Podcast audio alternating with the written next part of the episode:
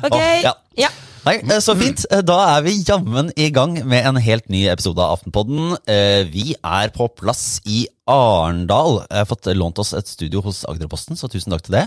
Ja, Det her er jo Altså, eh, Vi har vært på Demokratiets dansegulv noen dager. Du har allerede vært ute i dag, Kjetil. Jeg kommer direkte fra kirkeskipet som ligger nede i pollen her, eh, der jeg har eh, ledet en samtale med en biskop og en filosof om meningen med livet. Åh, det er, altså, det er veldig, veldig bra, Arendal. Da Det det, eh, altså- Fant dere meningen med livet? Det, ja, da må jeg nesten gå tilbake og se på strømmen. men, men det var, grunnen til at jeg sa ja til det, var at jeg syns hele konseptet hørtes ut som starten på en vits. ikke sant? En biskop, en filosof og en redaktør går inn på en bar for å finne meningen med livet. Fyll inn punchline. Og Sara Sørheim, ja. Eh, har, du, har, du har ikke gjort noe så langt? Det er, det er, det er, Jeg har ikke gjort noe så langt. Altså, det er torsdag morgen, vil jeg strengt tatt si, Lars. Ja. Så, nei, så jeg har kommet meg hit til Agderposten og sitter her for å levere ypperlig kvalitet til våre lyttere. Ja, ikke sant? Ja, Og, eh, Men mer enn det har jeg ikke gjort i dag. Nei, det er helt nei. sant. Ja. Uh, og hvis noen synes så vi høres litt sånn eh, Altså, jo, Vi har vært prata nonstop i eh, 72 timer. Altså, det er jo helt sykt, for det er en festival uten musikk. Eh, sant? Eh, du skal bare prate absolutt hele tiden. Så det går utover. Det er et hardt liv, rett Så det har vi gjort. Men eh, det vi også har vært, vi har vært et slags sånn Det det er veldig hyggelig å være i Arendalsuka, da, eh, vi møter jo veldig mange uh, trivelige lyttere. Og vi har også fungert som et slags sånn support-personell. Teknisk. Brukerstøtte. Ja, eh, fordi dette er jo en eh, Altså denne utgaven ikke sant, det går ut åpent. eh, Spotify, iTunes, alt mulig rart. Men de tre andre i måneden ligger jo da på eh, ap.no og hos Podme. Ikke sant? Du må være abonnent for å høre. Men så, så den overgangen er det jo ikke alle som helt har eh, tatt ennå. Nei, og det viser seg også at eh, utfordringer med den tekniske biten å komme seg inn og høre på Aftenpodden, den, den utfordringen den er jevnt fordelt. Den er, den er klasseblind. Ja, og Rammer høy og lav. Det gjør det. Og den er ikke teknisk egentlig. Den er veldig menneskelig. Altså den, den er på en måte, det er Det menneskelig. er brukerfeil, er det Ja, det det, du sier? ja, ja, det er jo ikke egentlig Det er en ganske enkel prosess. eh, Men, men det, det viser seg at de eh, Altså, samfunnstopper trenger også av og til noen som bare kan vise dem hvilken knapp de skal trykke på. Uh, Så, så det bidrar vi jo gjerne med. Men Dere må bare spørre på Facebook, eller hvis dere møter oss på gata, hvis dere ikke klarer å høre på. Og så Ja. Apropos samfunnstopper, må vi si at Trine Eilertsen måtte gjøre en sånn eh, topp, topplederansvarsjobb i dag. Så hun ja, er ikke med. Så hun er ikke med. Nei. Så, eh, men vi, tar, vi skal inn i MDG, åpenbart. Eh, Litt sånn målinger og diverse. Men eh, hvis vi skal ta bare en, en kjapp liten sveip på Arendalsuka så langt. Um, Trygve Slagsvold Vedum har jo stort sett holdt seg unna. Kommer i Eh, dag til partileder. Kommer i dag en liten tur.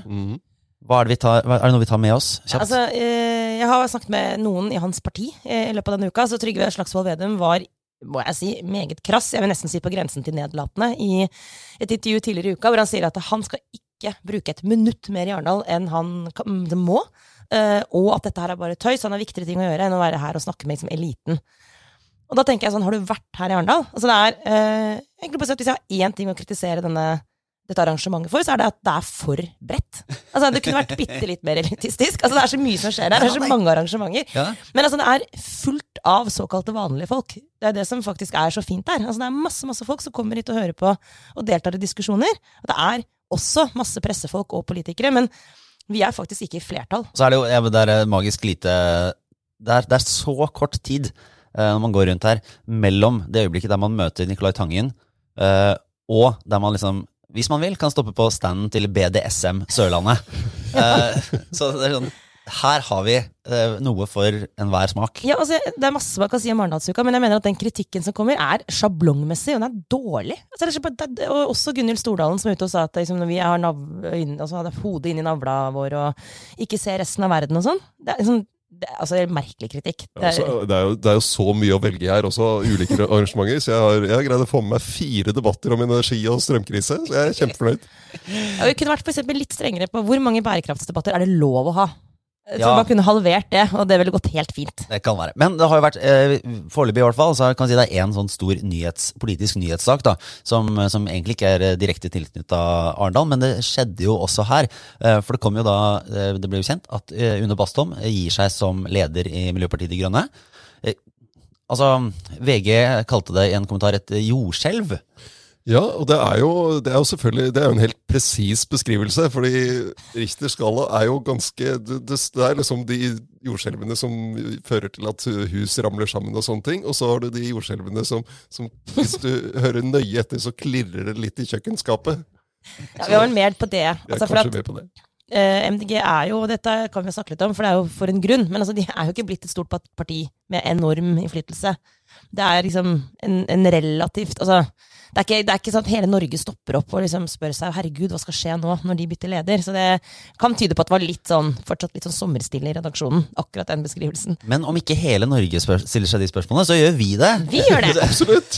så, så la oss ikke legge noe dempe på entusiasmen for et, eh, for et partilederbytte, for det er jo alltid, det er jo alltid så måte, spennende. Ikke sant? For det, altså man kan si liksom uh, hva man vil, men det, det har jo noe å si for utviklingen av et parti og, og veien der, og det har noe på å si man, man lurer jo på å spe, ikke spekulere, men analysere og se på hva som har skjedd før som, som gjør at dette måte, problemet eller skiftet skjer. Eh, og vi kan jo komme tilbake til liksom, hennes begrunnelse for å gå av, egentlig, men, men bare for å gå litt inn i Det har ikke vært helt lett å være MDG altså, siden eh, dagen før valget i, i fjor høst, egentlig. Nei, det det har jo ikke det. Um, og de, var jo så nær å komme over sperregrensen. Eh, det var eh, sånn latt, latterlig Nei, det hadde nesten vært bedre for dem om det var litt, litt lenger Ja. unna. For det må jo være superbittert. Det er den liksom mest ikke- jævlig, eller, Ja. forferdeligste måten å tape noe på. Ja. Ja. Så de gjorde jo sitt beste valg noen gang, og de fikk inn tre på Stortinget. Som er jo, de har jo ikke hatt tre før, de har hatt én. Sånn at eh, det, Men de hadde jo et eh, håp om å komme over sperregrensa, og de har, de har slitt etterpå med å, finne, med å få noe særlig ut av at de har tre på Stortinget. Mm. Eh, og det handler jo litt om posisjonen de har. eh, Med at de er ikke viktige for eh, matematikken på Stortinget. De trengs ikke for å danne flertall. Eh, Og så virker det som de ikke har funnet retningen. Hva skal de gjøre? De hadde jo evalueringsrapporten, som var jo kjempekrass. Ja, det, det var jo et eh, Det, det er jo også en sånn favorittsyssel, altså journalistisk glede, når et parti nedsetter en sånn havarikommisjon. Mm. Um, Og så spør vi sånn Er det en havarikommisjon? Så sier, sier de sånn nei, Nei, det er en nei. evaluering. vi skal lære. Det er en havarikommisjon. Ja. Det er alltid en havarikommisjon. Og i dette tilfellet så var det jo på en måte det de beskrev var et havari. For av og til så vil jo en sånn havarikommisjon skrive det litt sånn om, altså, omtrentlig, eller eh, skylde bare på omgivelsene, eller det, det er jo sånn. Men dette var jo eh, hvorvidt arbeidet Det er et, et arbeid som faktisk går inn og peker på en del sånn en, del ting som framstår som ganske problematiske for partiet, og egentlig, hvis man begynner å se på det, for ledelsen. For de ser jo på litt sånn manglende kommunikasjon, litt sånn feil strategi, at man virker liksom for eh, lite samarbeidsvilje. Eh, dette oljeultimatumet, som vi i og for seg snakka mye om, eh, gjorde posisjonen og samarbeid veldig vanskelig, fordi de ikke hadde en reell mulighet til å faktisk inngå i noe flertall. Og peker på ting som Hvis man bare tenker litt sånn hvem ledelsen er, og hvem det var, så var det jo i forrige stortingsperiode så var det jo bare eh, Une Bastholm som satt på Stortinget. Ja. Så dårlig liksom, sviktende kommunikasjon mellom stortingsgruppa eh, og partiet, for eksempel, er sånn Ja, men ja. Det, det, hvis man, det ansvaret kan være også ganske spisst, da. Så, så det var jo nesten litt overraskende Ikke det er ikke overraskende at det ikke gikk av, men det var en veldig hard rapport. Hun kunne ha gått på bakgrunn av det. Sant? Det var, Ja, det var så det- hardt det- at det ja, hadde ikke vært det- det- veldig måte- rart. Det, det, det, hun kunne på en måte gjort det fordi den var ganske tøff. Samtidig så altså, Jeg tror de fleste er enige om at hun har vært veldig flink, og at hun eh, har gjort det bra, og at de faktisk gjorde sitt beste valg noensinne. Så det er liksom ikke sånn øh, høygafler i gatene, da. Nei, og det ansvaret ligger også på flere, ikke, Ikke flere sant, i ledelsen, inkludert Arild Hermstad, som jo ledet arbeidet med den evalueringen. Ja. Og som nå tar over. For at Une Bastholm hadde, i tillegg til alt du nevnte, sånn, som på en måte gjør henne til en tydeligvis ganske god leder, at hun var jo også veldig åpen på at hun tok veldig mye ansvar for at det gikk galt. Hun sa også om seg selv at hun ble for krass, eh, og, og tok mye ansvar for at nettopp partiet havnet i den posisjonen du beskrev, Lars, hvor det virket helt umulig på en måte å, se for seg at de skulle kunne få til noe, rett og slett fordi det ikke virker som et parti som er i stand til å, til å samarbeide og til å liksom, finne løsninger. Da. Og når hun valgte å være så åpen selv, eh, og likevel stilte til gjenvalg så sent som i mai, så er det litt interessant å tenke på sånn hva Hvis hun først bestemte seg da for at jeg går videre på, men at hun da noen uker, måneder senere har kommet til en annen konklusjon, det er jo helt menneskelig sett forståelig, men det er litt underlig. Hun sa jo i går at det er ikke sånn at hun har liksom brukt sommeren til, og så kommet til en konklusjon om at hun skal trekke seg. Hun bestemte seg før sommeren. Så altså, landsmøtet var i mai. Og sommeren begynner vel en eller annen gang i juni, gjør den ikke det? Ja, I hvert fall. altså Seinest 1. juni. Ja. Ja. Så det er en litt underlig prosess. Men nå må vi jo bare legge til grunn at det stemmer det hun sier. da, for Man kan jo mistenke nå at det har vært liksom Er det høyt konfliktnivå internt? Er det ting som har skjedd bak kulissene? Det vet vi faktisk ikke. Nei, Så, og man kan selvfølgelig spekulere sånn, Hadde de vært over sperregrensa og vært åtte representanter, øh, ville, ville hun gitt seg nå. Men det, øh, har jo, det blir bare hypotetisk. Men også er det jo interessant å gå inn i det hun faktisk sier. Da, for Men bare før ja. vi gjør det, altså noe av det spennende nå er jo øh, med leder, valg av ny leder, blir det også et sånn, en diskusjon om retningen og kursen videre. Mm. Hvor skal de hen? Hva slags oppdrag får den nye lederen? Det, for det opplevde jeg vel var De kom ikke veldig tydelig ut av landsmøtet sitt i mai med liksom svaret på eh, når de hadde den eh, tøffe evalueringen, hvordan skal de gjøre det bedre fremover? Det var ikke noe tydelig svar fra det landsmøtet på det, sånn som jeg oppfatta det. Mm. Og så er det jo, men bare fortsette, det har jo en, altså de har jo vært, måte, vært uheldige med saker siden, eh, siden i høst også, for det har jo ikke vært noen sånn de gikk faktisk gjennom valgkampen med liksom den eh, FNs store klimarapport. Det var en viktig, viktig sak eh, som de da ikke fikk full uttelling for. Eh, og så har jo på en måte, det har vært veldig mye sånn realpolitikk og, og krise siden den tid. Og hva skal man si, miljøperspektivet, det, det finnes jo et rom for det egentlig i strømpris, eh, energi, kraft. Men der virker det som om partiet kanskje ikke er, er liksom ikke helt enig med seg selv eh, på hvor, hvor de legger seg i, i de spørsmålene heller. Nei, de har, eh, de har jo ikke greid å ta noe stor plass i den debatten. Uh, I motsetning til altså Rødt har jo et helt annet budskap og kjører veldig hardt på, på makspris og, og sånne ting. Eh, Så de har jo Rødt har jo altså, Rødt har et annet utgangspunkt, siden de greide å komme over sperregrensa. Har et, eh, en større apparat, ikke bare med representanter, men også med rådgivere og sånt noe, som gir dem, gir dem andre muligheter enn det MDG har. Men, men det, er, det, altså det er jo masse klima- og miljøspørsmål inn i den strømkrisa, og der har ikke MDG greid å ta noe rom, rett og slett. Og så er det jo da interessant, ikke sant? for dette henger jo sammen med at ja, det er realpolitikk, og nå er, er dette her eh, vanvittig på agendaen. De klarer ikke å ta det rommet som, som det egentlig burde være mulig for dem å ta på sak. Men så er det da, har de også de rette personene. Sant? Det blir jo fort et spørsmål om sånn, har de de rette personene til å faktisk føre den debatten på vegne av partiet? Og da er det jo litt interessant da, at de har jo en supersterk profil i Lan Marie Berg. Ehm, som også varsler at hun ikke er interessert i å ta over som partileder. Og så lurer jeg på, dette er ikke ment som en kritikk av eh, hvite menn i 50-åra, de har også rett til å være toppledere. Det er ikke, det er ikke, sånn, det er ikke sånn ment, men, men, men det er klart at Arild Hermstad, Hermstad er ikke i utgangspunktet en sånn person som tenker at han er en sånn person som kommer til å Han blir en sterk profil. Han er ikke Norges Greta Thunberg. Nei, nei, det varsler ikke en sånn ny giv og retningsendring og liksom altså det, det virker mer som at han var den eneste som sto igjen når alle andre trakk seg. Men- som, så, som sagt, Dette er ikke ment som personlig kritikk, men det er etterlatt inntrykk, og det er ikke noe offensivt over det. Men det, det er jo det som kommer da, som han sa i et av de første intervjuene, at det var jo en fordel for ham at han eh, har, ikke har eh, barn, altså som bor hjemme. Eh, og det går jo liksom Jeg er litt- jeg er ikke helt sikker på hvor heldige de uttalelsene er. Eller Jeg er det sikker liksom, på at den uttalelsen ikke var heldig. Fordi dette, For å bare gå inn i, i begrunnelsen da, til Bastholm, som, som sa og var liksom tydelig på at det, det har ikke gått opp for henne. Og hun har ikke på en måte, energi og, og motivasjon til å fortsette å kombinere liksom sånn småbarnsliv, stortingsrepresentant og partileder. da, Fordi partilederjobben er så krevende. Um, og det har jo fått liksom, løfta opp igjen sånn spørsmål om om hvordan politikken er innretta, hvordan kanskje særlig da unge kvinner kan påta seg eh, ansvar, og også få livet til å gå opp. Og, Altså, jeg kan jo kjenne meg igjen altså, hun, jo, hun beskrev det som 'jeg er rett og slett for strukket'. Eh, altså, vi for eksempel nå, Lars, skal forte fort også lage ferdig podkast, for vi må kjøre hjem, for du må rekke barnehagen. Og så kommer man hjem uh, fra f.eks. Arendalsuka. Kan jo sammenligne med et, uh, vet ikke, altså et landsmøte et eller annet sted, da, som hun må, eller fylkesårsmøte i et eller annet sted hvor hun må være noen dager.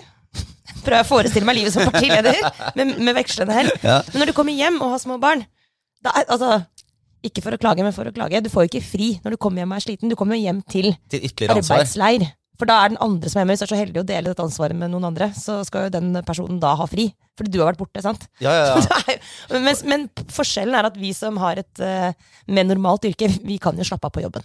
Ja, ja, de kan, Ja. en ting, Vi kan slappe av litt på jobben, og så eh, på den annen side så, så Og det her er, for, her er liksom muligens Eller tenker jeg forskjellen det er, bare, det er litt verre for oss som ikke måtte, har en jobb som er sånn Dette er hele familiens store prosjekt.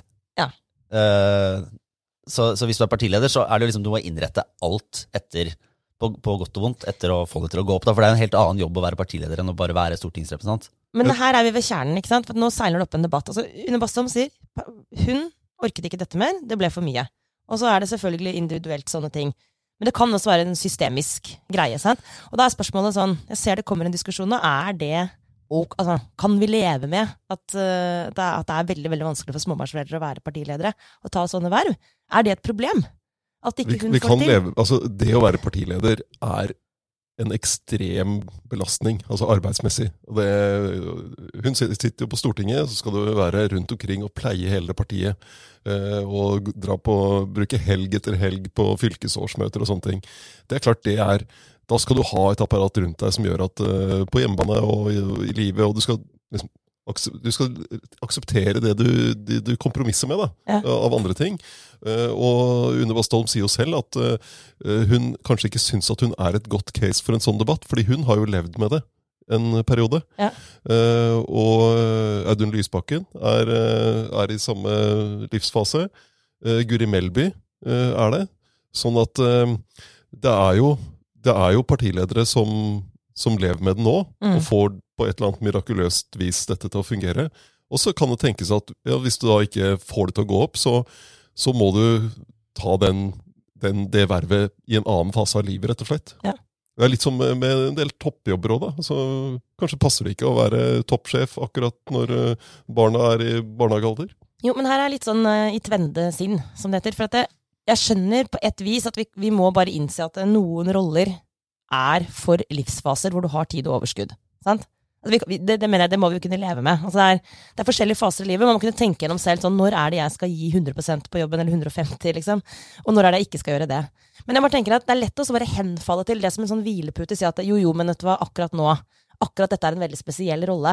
For det går jo an å utfordre det også, og si at men må det være sånn at den partilederen personlig skal ha det ansvaret for å besøke alle de der eh, lokallagsmøtene. Altså, det er, det er, det er de, de, de, deler jo på det, ikke sant? De sender jo ut nestledere og diverse, men Men det gjelder jo har... toppledelse generelt òg. Altså, man kan på en måte utfordre litt den der veldig personavhengige ledelsesmodellen, og så heller tenke at det er ikke bare på privatsiden at du må ha et godt bakkemannskap, men at det også må gå an å tenke litt mer sånn i i det profesjonelle livet også. At det går an å liksom staffe opp litt mer og prøve liksom å Ja, i hvert fall utfordre litt den derre Jo, jo, men det er, det er, slitsomt. Det blåser på toppen, jenta mi, liksom. For å sette deg litt i et ja, dårlig lys. Takk skal du ha. Det var vel omtrent akkurat sånn jeg formulerte meg.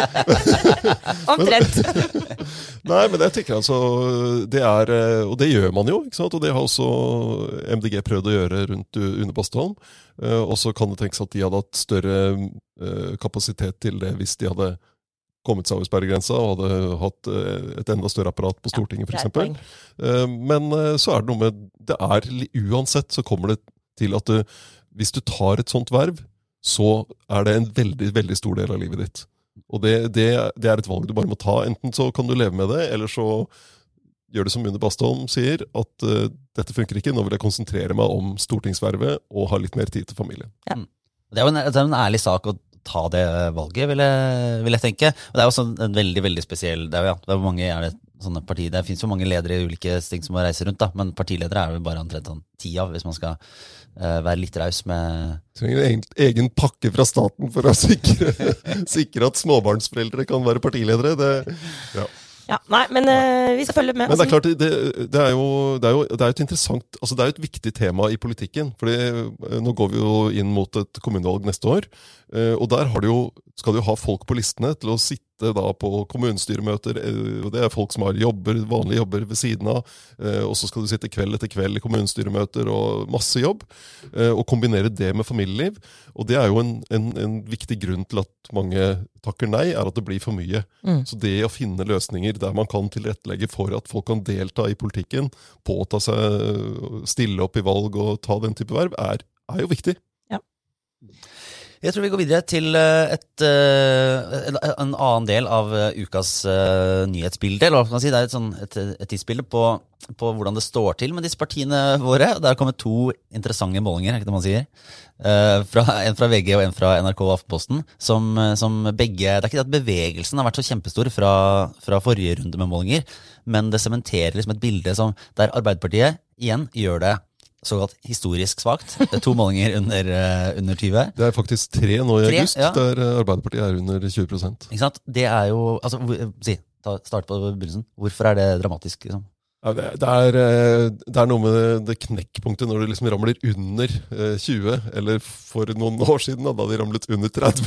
det er ikke så lenge siden, egentlig. Nei. Det er, det, det er jo eh, Altså, det, det, det, det går jo bare enda dårligere for dem, og så er det noe med psykologiene det ser, eh, som under 20. Det er eh, Ja, fordi, Da blir en dårlig stemning. altså, Høyre ved valget i eh, fjor høst jubla jo da, for de var spørsmålet det var sånn, kom vi over eller under 20. Mm. Uh, og da var det sånn, de, de klarte jo det, og da kunne man si at dette var tross alt liksom hederlig. Det var et hederlig nederlag, selv om etter, ja, vi fikk åtte år, bla, bla. Uh, mens, uh, mens nå ligger jo Høyre på målingene, og det er lenge til valget og alt det greiene der, men nå ligger de jo og bikker 30. Mm. Og det er så sykt, fordi 20 er litt sånn grensen for å være på en måte et, et, et, altså, De virkelig store liksom, statsbærende partiene. Det er liksom fra 20 opp. Ikke sant? Det er en sånn skala her. Og så er det egentlig sånn at eh, det er egentlig 30, over 30, som er sånn boom, ørnen. Så når du er under 20 dette er litt sånn psykologi, så begynner du å nærme deg at på en måte er den gjengen av småpartier. Uh, som kniver litt om de der åtte Da er det bare, ja, det er vanlig. da er det bare en random. Da er du, sånn, der- er du en sånn derre Å ja, han, ja. Eh, Og den derre um, følelsen Altså, det er jo urettferdig for Arbeiderpartiet, men man liksom det, er, det å skulle på en måte mentalt forestille seg at Arbeiderpartiet skal være et sånt småparti, er jo helt mindfuck. Og det, og det, det klarer ikke de å håndtere heller, kommunikasjonsmessig. Altså, det er et parti som kler eh, å være stort. Det er sånn, De har en- en ikke sånn Det er, ikke, det er i konflikt med selvbildet i Arbeiderpartiet. at Ja, men det er identitetskrise. eh, og, det, og det virker på meg, altså, det kan vi jo si etter å ha vært her i Arendal også, og liksom bare snakka med folk. Altså den store snakkisen, og ikke bare blant journalister, men også blant folk i Arbeiderpartiet, er jo liksom at det er bare kong Midas i revers. Eh, og at nå, når alt Altså, de er inne i en slags sånn dødsspiral, hvor uansett hva du sier og gjør, alt blir bare gærent. sant? Du blir lest feil. Og jeg snakket med en i går som sa at han lurte på om ikke Arbeiderpartiet og, og Jonas Gahr Støre spesielt nå er i en situasjon hvor det uansett er best å bare holde helt kjeft. Det var faktisk Kristin Halvorsen, hvis du husker tilbake til altså SV hadde et sånt, sånn marerittsituasjon hvor de liksom lå på 4 eh, Ja, ja, mm. Og, og, raste, hadde rast nedover på målingene. Og Kristin Halvorsen opplevde det som var helt sånn ekstremt sånn popularitetsfall. Og da tror jeg hun skrev i boka si ja, eh, at eh, da hadde hun fått et råd om at nå må du holde munn. Uansett hva du sier nå, så kommer det bare til, altså hver gang du åpner kjeften, så faller partiet enda mer.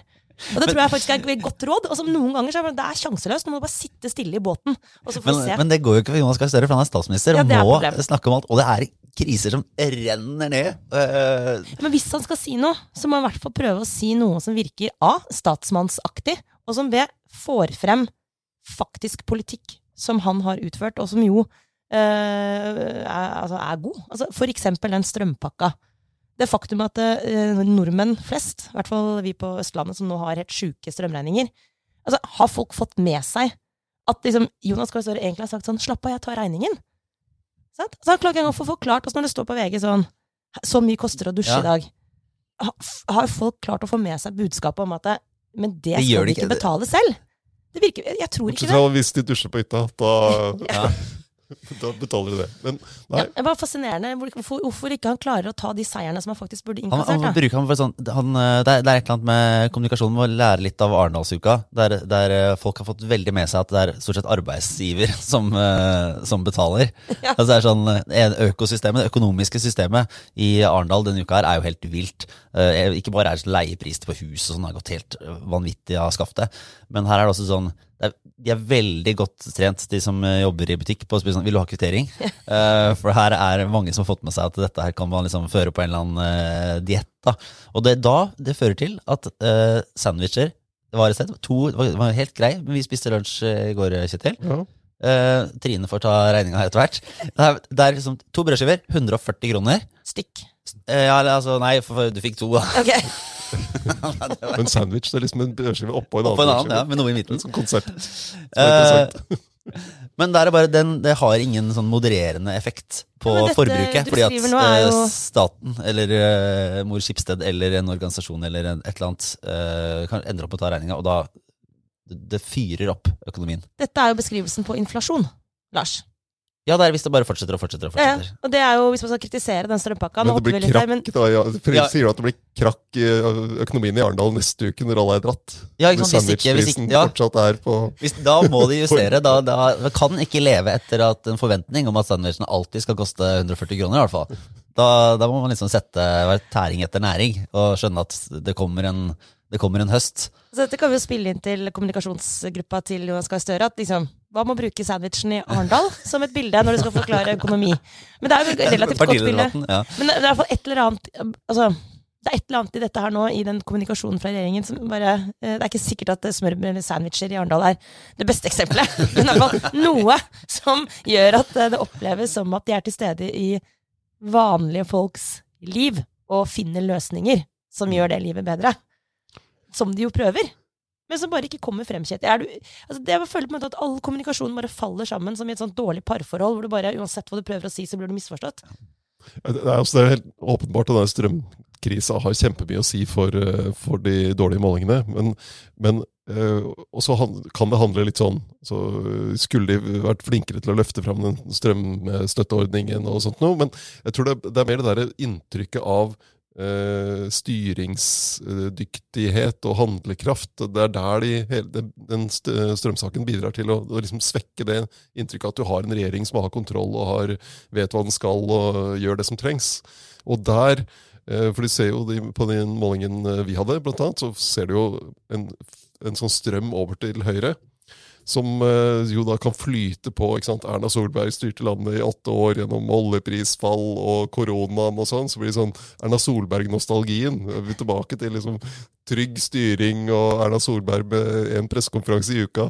Men, det, men det er jo interessant, fordi at eh, det er en eh, Ja, det er liksom en det, det er ikke sånn at Høyre og Erna Solberg faktisk er sånn Ja, men vi har kjempemasse handlekraft. Her er fiks ferdig løsning på eh, si invasjonen i, i, i Ukraina og strømkrise og har liksom Det er ikke at det er sånn veldig offensive på at sånn skal vi gjøre det. Nei, for Høyre ligger jo veldig tett uh, nær Arbeiderpartiet i, i både virkelighetsforståelsen og synet på hvordan kraftmarkedet bør være. Altså Høyre, eh, Hvis Støre, Jonas Gahr Støre og snakker om strømkrisen, så passer han jo hele tiden på å, å minne om at dette er knyttet opp til krigen i Ukraina, og hvordan eh, Vladimir Putin bruker gassen som et utpressingsmiddel mot Vesten.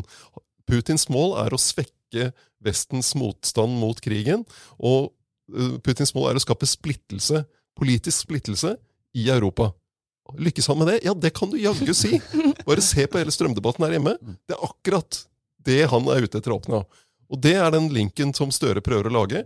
Men så har han da en, en uh, forskningsminister og høyere utdanningsminister, Ola Borten Moe, nestleder i Senterpartiet, som kom med en helt annen historiefortelling, og bare sier at dette handler om at Tyskland og Storbritannia har ført en uansvarlig energipolitikk, og dytter ansvaret på Tyskland og Storbritannia, og liksom bare frikjenner Putin nærmest. Og jeg hørte også fra Ketil Solvik-Olsen eh, fra Fremskrittspartiet en debatt her, gjorde det på akkurat samme måten, eh, som jo er, som er helt, helt vanvittig. Altså Hvis du ikke anerkjenner at hovedproblemet her er Vladimir Putins bruk av gass som utpressingsmiddel, da, da blir du en brikke i Putins spill. da. Dette her er Men- men- superinteressant. Kjetil. For at dette her er jo også eh, den derre steinen som henger rundt foten til Støre. At han har en regjeringspartner som skal ikke spekulere i årsaker, men som bare liksom undergraver hans kommunikasjon systematisk. En, til og med i regjering. Og så har du jo også Senterpartiet på Stortinget, som driver litt sånn opposisjonsarbeid på siden. Og den, den derre det er ikke det at det er kanskje så, det er ikke en enkeltsak som eksploderer nødvendigvis, men det er den stadige følelsen av at de trekker i forskjellige retninger. Som bare gnager og gnager og gnager, som hele tiden undergraver også den derre tryggheten og roen som jo Støre nå egentlig burde ha utstrålt, sant? I, altså, egentlig er denne setupen perfekt for en type politiker som Støre, som skulle nå ha stått frem som at jeg, altså han skulle egentlig bare snakket i de store linjer, han nå. Nå trenger vi faktisk for en gangs skyld en, en statsleder som snakker i store linjer, som Støre jo egentlig er god på. Men da måtte han hatt en sånn plattform å gjøre det ut fra, som bare utstrålte trygg styring. Og det blir krevende når du har en regjeringspartner, i tillegg til litt utfordringer i eget parti, som bare gnager hele tiden, bare sitter og sager på den greina da. Altså, du, eh, og han prøver jo å få fram det poenget, eh, og så er jo ikke det nok. fordi du må da, altså, du kan ikke bare snakke om krigen i Ukraina og Putin når du har en baker som bare opplever at strømprisen blir sånn Skal jeg stenge? Skal jeg slutte å steke disse bollene? Skal jeg selge bare sånne ustekte boller? Kan folk steke dem hjemme selv? For de får jo strømstøtte, de som eh, steker privat hjemme i eget hus. Så, sånn at han kan jo ikke bare være der oppe og snakke om det store bildet og krigen og sånn. Han må også gi gi folk en trygghet da, for hva, hva gjør regjeringen nå, hvordan skal vi løse det. Uh, og det er, der er de jo bakpå. Mm. Og det er, det er, jo der Høyre prøver å posisjonere seg. ikke sant? Høyre er enig med regjeringen i analysen av hvorfor det er som det er. De er enig med regjeringen at man ikke skal ha makspris på strøm. Men så, så, kommer de da med at ja, vi må ha noe strømstøtte til bedriftene, som er kjempevanskelig å lage. Men der Høyre liksom, her må regjeringen arbeide litt raskere.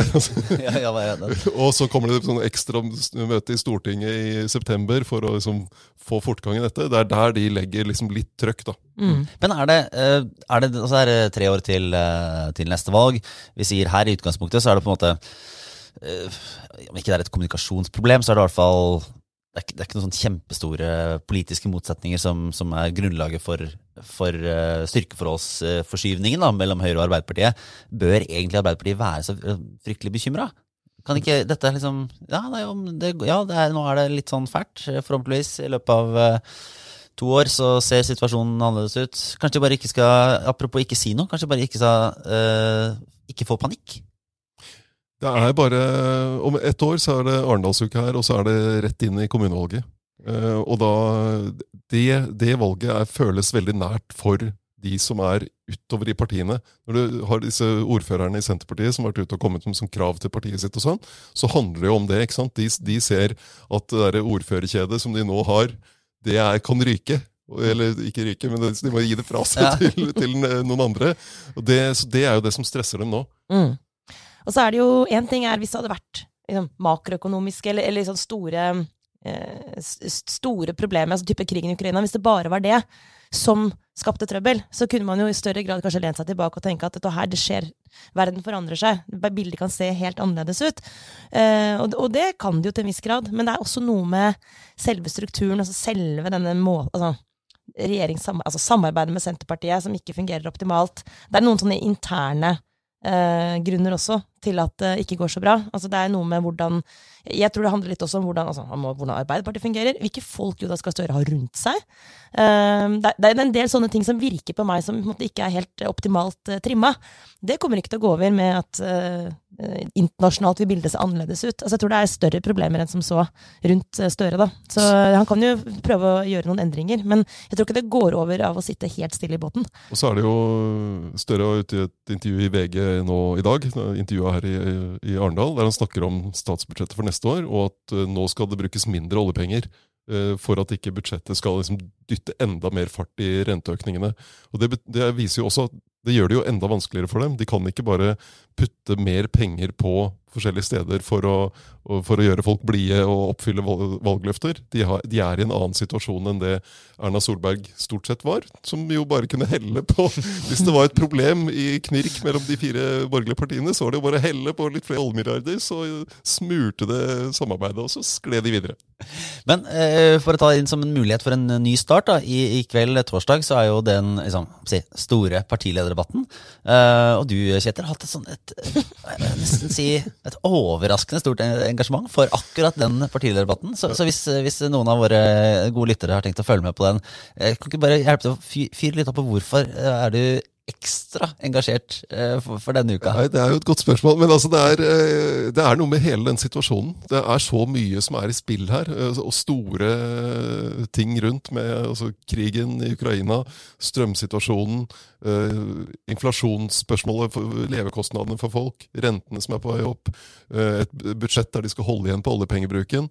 Eh, og de målingene som er så dramatiske for regjeringspartiene. Så, eh, så ja, nei, jeg gleder meg til å se den partilederdebatten. Jeg er veldig spent på om Støre og Vedum greier å se ut som om de er på samme lag. Oh ja, jeg, også, jeg må innrømme mitt engasjement var kanskje ikke helt der oppe i taket. Uh, jeg gleda meg egentlig mer til å komme hjem og se ferdig Stranger Things, som jeg har spart. Men, men, men når du begynte å snakke om det der Altså, det å se ansiktet til Vedum nå, hvordan skal han legge det? Hvordan skal han, Hvilket uttrykk skal han ha? Ja, er, det sånn, er det den selvsikre 'vi har kontroll på dette her'? Eh, familiene får det faktisk bedre. Eh, er det skaper kriseforståelse, som er sånn ja, det her er ordentlig alvorlig, folkens. Eh, Ja, ja, skal han være sånn, sånn Per Christian Foss, finansminister, liksom? Sånn streng, men rettferdig? Eller skal være så Kristin Halvorsen glad? Altså, alt dette her er liksom eh, Ikke at hun også, hun kunne også være Hun også ble jo ganske streng etter hvert. Men altså, dette her er en vanskelig rolle for Vedum, og når i tillegg liksom jeg lever meg inn jeg tror, er, jeg tror det er skikkelig dårlig stemning. Dette er ikke kildebasert. Dette er, jeg, jeg finner på noe, men, eller jeg spekulerer. Men jeg tror det er skikkelig dårlig stemning i regjeringen. Kan ikke forstå noe annet. Og hvordan skal de klare å kamuflere det? Han og altså Støre og Vedum. Dette er jo et Shakespearean drama, liksom, Det er egentlig. det. det, er. Se her, jeg jobber meg opp Ja, engasjement. jeg sant? Ja. Det kommer til å bli kjempespennende. Og så er det første, første debatten til Olaug Bollestad. Ja, det er det, og siste til Une Bastholm. Ja, Pluss at Audun Lysbakken har en vikar, eh, Kirsti Bergstø, for han har jo pappaperm. Så hun skal få prøve seg som eh, partilederdebattdeltaker. Debattant, ja. Ja.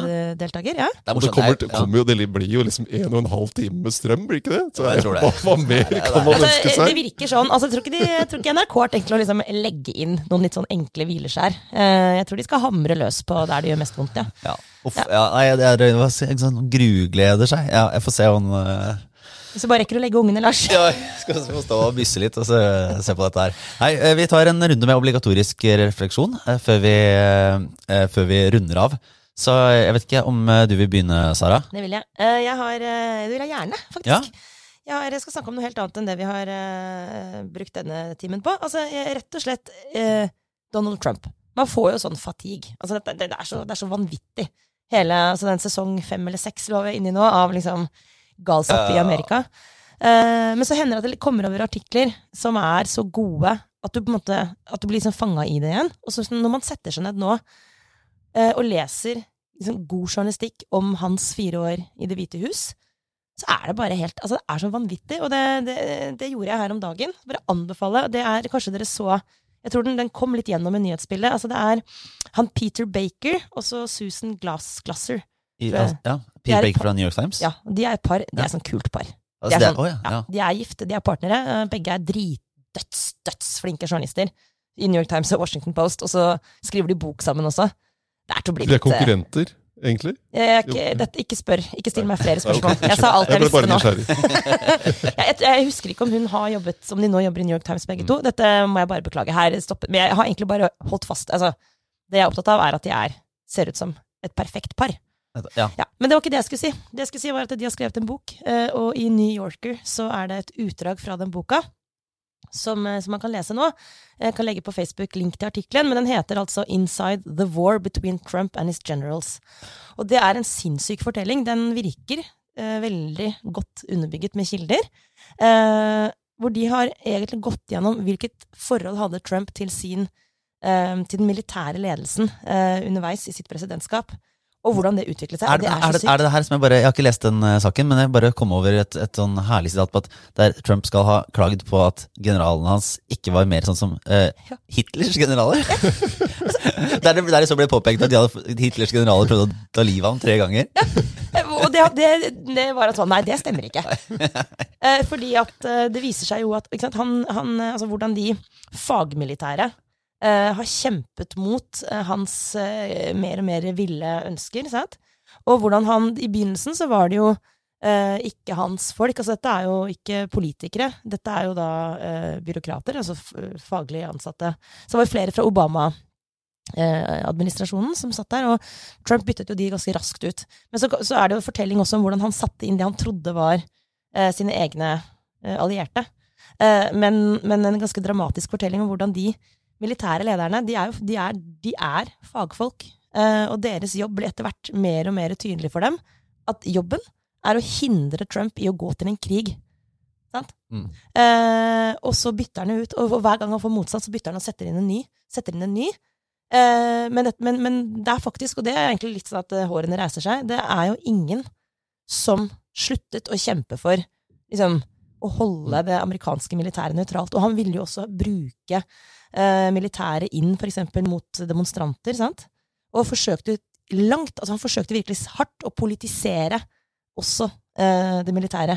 Og det klarte de å stå imot. Så det er bare en utrolig interessant fortelling om hvordan liksom, fagfolk og byråkrater er som bolverk mot klin kokos gærne politikere.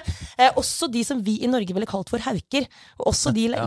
også de som vi tenkte sånn, å shit, han har satt inn liksom helt forferdelige sånne krigshissende folk. Men det viser seg at også de er jo De, de lander jo på Har den rette grense siden. ja. De har en grense. Så dette er bare en, det er en veldig god artikkel, rett og slett. Anbefales. Jeg kan, jeg kan følge opp med en, eh, med en anbefaling. og Bare det er en underlig sak eh, som, som har dukka opp eh, fra Australia. Der det viser seg at den forrige statsministeren Jeg har ikke noe veldig sånn tett, jeg følger ikke australsk politikk veldig tett. da Yes. Eh, så, så, Men der er det altså Scott Morrison som satt som statsminister, som i hemmelighet had, hadde utnevnt seg selv eh, til fem andre ministerposter. Altså i sin egen regjering. Altså Ja, gjort seg i- selv til statsråd, liksom. Ja, uten at de nødvendigvis visste om det. Er, det er nydelig. Så, det er som er sånn, det er som at Jonas Gahr Støre skulle være sånn Ja, jeg er også samferdselsminister, og Han eh, er, han er også utenriksminister. også utenriksminister. Det er mulig. Uh, og sånn at, for han brukte da også uh, Morrison skal da ha liksom brukt dette for å ha liksom, For å kunne styre altså For å kunne gå inn og egentlig overstyre en statsråd i et departement. Ja, men er det sånn som at han plutselig kommer og sier sånn eh, Unnskyld, jeg, jeg har jobben din.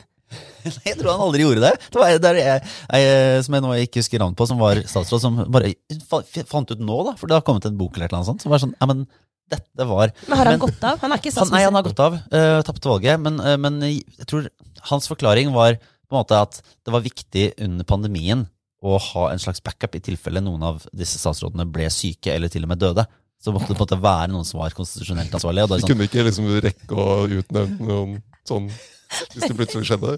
nei, nei. Kanskje det var Bent Høie som var eh, statsminister under koronaen? Ja, og så, og så er det litt sånn som eh, folk eh, av og til, og det kan gjelde meg også, være sånn Hvis noen skal gjøre den jobben, så kan det like gjerne være meg. på en måte Altså, det er en kjent Eh, tanke. Det ja, er har mange av oss. eh, Det kan man kjenne Så, seg sånn, eh, men nå blir det ikke styreleder i borettslaget. Det blir bare sånn dette, ja, Det blir bare ulike statsrådposter som har kommet fram. da Du, led, du organiserer dugnaden og gjør alle oppgavene? Ja, det var liksom, Dette kan jeg like gjerne. ja Men det, nei, nei, så det, det, var, det var helt merkelig. Og jeg skal følge litt videre og se om det kommer noe mer ut av det. Men, men i, et, altså, i et land som man trodde hang sånn noenlunde på greip Så eh, hvis, ja, hvis det er flere hemmelige fordelinger av ministerposter eh, i, i Norge, for eksempel, så vil vi gjerne finne ut av det eh, med en gang.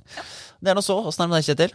Nei, altså En liten noe da. Eh, Det, sommeren, ferien, tiden er, liksom, er jo over. Eh, Og så er det disse som legger ut bilder på Instagram av bøkene de har lest i løpet av sommeren. Hva er det der? Og det, og det er liksom Det er ikke to bøker eller noe sånt. Det er en sånn stabel. Det ser ut som en sånn mammutsalg. eller Og hva, hva, hva er greia med det? Det der er, det er Takk. Dette, dette her kjenner jeg på sånn Av alle snikskrytting, så er dette her det verste. Også fordi at det, en ting er de som har lest alle disse bøkene. Bare fuck off, liksom. Altså, det, eh, men jeg så en. Han kan få være anonym, en person jeg er veldig glad i. En flott, eh, flott person. Men la ut en sånn boksabel på Facebook, og den ene boka, det var liksom Hanna Arendt. Filosofen Hanna Arendt. Liksom Hanna Arendt. Eh, Men- en av hennes bøker, da. Jeg husker ikke hvem. litt på stranda med Ja. Kos seg med litt sånn, sånn høyeuropeisk filosofi. Altså, da tenker jeg sånn, det er, det er flott. Skulle gjerne lest Hanne Arendt, men, liksom, Men jeg Sara kom meg gjennom en Ken Follett-thriller, liksom. Haters gonna hate. Hva slags, eh, hva slags på en måte trekke Hva er det sånn poppy, 12 poppy syndrome er det her? Altså Skal ikke folk få, få, liksom, få vise fram og de, liksom skape en sånn litteraturdebatt? Eller liksom få liksom løfte fram det de har gjort? Det er ikke litteraturdebatt, det er bare Det er skryt. Det er skryt, det er ren skryt. Og så, og så har de det, det, det, En annen ting da, er jo hva om de har hørt på lydbøker? Da, kan de jo, da får de jo ikke det. det. De får ikke det Eller hvis de har lest uh, På på, Kindle. Ikke sant? ja. Så ta bilde av Kindle. Her, er jeg, her har jeg liksom 100 bøker jeg har lest i sommer. Er- Men Det som er så ja. sykt, eh, og dette vet eh, de som har barn i barneskolen, det er at det, det er jo en sånn konkurranse om sommeren som heter Sommerles. Som er sånn konkurranse om å lese flest bøker. Det er mulig at dette som har smittet over i de voksnes verden. Oh, ja. Og så barna, de, Hver gang de har lest en bok, så har de kryssa på en sånn greie, og så får de premier på biblioteket. Eh, og dette fungerer jo som F. Eh, det, det, altså min datter har lest mye mer enn hun pleier å gjøre i sommer, for å få sånne der, egentlig ganske noen sånn plastikkleker og noen greier på biblioteket. Men, men det, det funker jo. ikke Det er jo bra. Det er jo for- bra. Vi er for lesing. Ja. Men tenk å slå over i voksenverden. At vi skal begynne med sånn konkurranse om å lese flest bøker. Men skal du ha en sånn stabel som viser disse bøkene har jeg lest høyt for barna mine i sommer. Det kan jeg akseptere. Ja. Det kan, er jeg kan heller ikke akseptere det. Men nå er det, altså, det her eh, nå, vil ikke den stabelen, er ikke den stabelen din veldig høy, Kjetil? Nei. Nei. Da hadde han ikke vært sur for det. Nei. Da hadde han lagt ut et bilde selv. Altså, jeg har bare, det er noen konkurranser uh, som man bare etter hvert bare melder seg av. måte. Altså, det er, det er eh, det, det var, den, den bokstabelen min eh, den er ikke-eksisterende fra Altså, sommeren. det jeg- verste på dette her er jo Barack Obama, egentlig. Som kom med der leselista si til sommeren. Så, uh, han legger jo ut spilleliste til sommeren, og så uh, bokliste. Men hvis man leser litt nøye, så er det, det er bøker han har lest det siste halvåret. Så det er liksom ikke Ja, Oh, det er sånn en liten skrift, ja. ja men det er mange nok. Kan vi, kan vi, eh, kan vi ta et uh, lite Vi avslutter med et godt, men ubekrefta sommerrykte? Ja, la oss med gjøre det. internasjonale topppersoner. og det her er et rykte du kan jo eh, Skal jeg få lov å dra det? det? Ja. Altså, vi har jo verdens beste lyttere. Eh, virkelig, vi elsker dere. Eh, men vi elsker litt enda mer de som sender oss gode, men ubekreftede rykter. Så liksom, vær det er, altså, tusen takk. Og et av disse gode, men ubekreftede ryktene som kom oss i, i, i lende, eller hva det er for noe, det var da, vi kan avslutte med, altså, og dette føler jeg uansett ikke altså Det er alltid relevant. Altså, vi, vi, vi har lav terskel for Jens Stoltenberg. Eh, informasjon, rett og slett. Altså, der er egentlig alt velkomment. Og denne, dette her er at uh, han skal visstnok ha blitt observert uh, på Hvaler, han har hytte på Hvaler, uh, i en lokal matbutikk eh, klokken ni om kvelden, hvor han prøvde å kjøpe øl. Mange har prøvd det. Og da var kommentaren fra vår kjære lytter var at da liksom kjøpmannen hadde vært litt på sånn Nå har du blitt litt vel europeisk. Det er, ja. Og så kan jeg si, det her er jo da uh, av den type historier som, som vi strengt tatt ikke har fått uh, tilsvar på. Overhodet ikke. Altså, dette kan hende at det Fordi er jeg, jeg tenkte, kanskje er det sånn sende en, mail, sende en melding, sånn, det er litt for flaut å spørre Natos generalsekretær om det er sånn, du, vi skulle bare faktasjekke en liten historie. Det er krig også, vi vet det er krig, men Vet er Krig, ja. Stemmer det at du ikke har glemt uh, ølsalgsreglene i Norge? Eh, så det, det, er, det er jo med et ørlite forbehold. eh, Altså, det er men, med et gigantisk forbehold. Ja. Eh, men jeg føler at vi kan bli tilgitt. For hvis det her viser seg å være feil, så er det bare sånn unnskyld, men vi syns det var gøy. Og vi syns det også menneskeliggjorde Natos generalsekretær. ja, ja, ja. Eh, det motsatte av det partilederen i Arbeiderpartiet Altså Når Jonas Gahr Støre er sånn, legger seg og viser fram situps eh, på de perfekte skiferhellene sine utenfor statsministerens eh, bolig, Og sier og sier sånn alle har tid til å trene, så føler jeg at det, det å prøve å kjøpe øl klokka ni om kvelden på den lokale sparbutikken, er det motsatte av det. Så det her er et kompliment uansett, Jens Stoltenberg, selv om det skulle vise at det var feil. Ja. Så er det likevel et sånt Sånn blir han oppfattet. Det er liksom den menneskelige siden av en uh, topp toppolitikers eh, jobb. Ja. Eh, og det så tror jeg vi eh, runder av, og så får vi bare minne om igjen da, at de som ikke har kommet seg inn og hører oss hver uke på, på ap.no, eh, eller eh, hos Podme, eh, kan gjøre det. Vi finnes der fortsatt. Eh, og hvis du trenger support, så ta kontakt på, på Facebooken, eller bare spør oss når vi går forbi, eller et eller annet. Det er enklere enn man skulle tro. Um, og så er vi tilbake neste uke. absolutt. Det er vel det. Det er ikke noe mer er ferie nå. det ikke noe, det er ingen bremser på dette toget. Oi. Uh, takker vi igjen uh, eh, våre gode verter, Agderposten. Agderposten, eh, for lån av studio. eh, og ønsker alle fortsatt god innspurt på Arendalsuke og partilederdebatt. Var det det? Det er det bare det. Rett og slett. Takk for oss. Det var den ukens Aftenpåden. Ha det bra.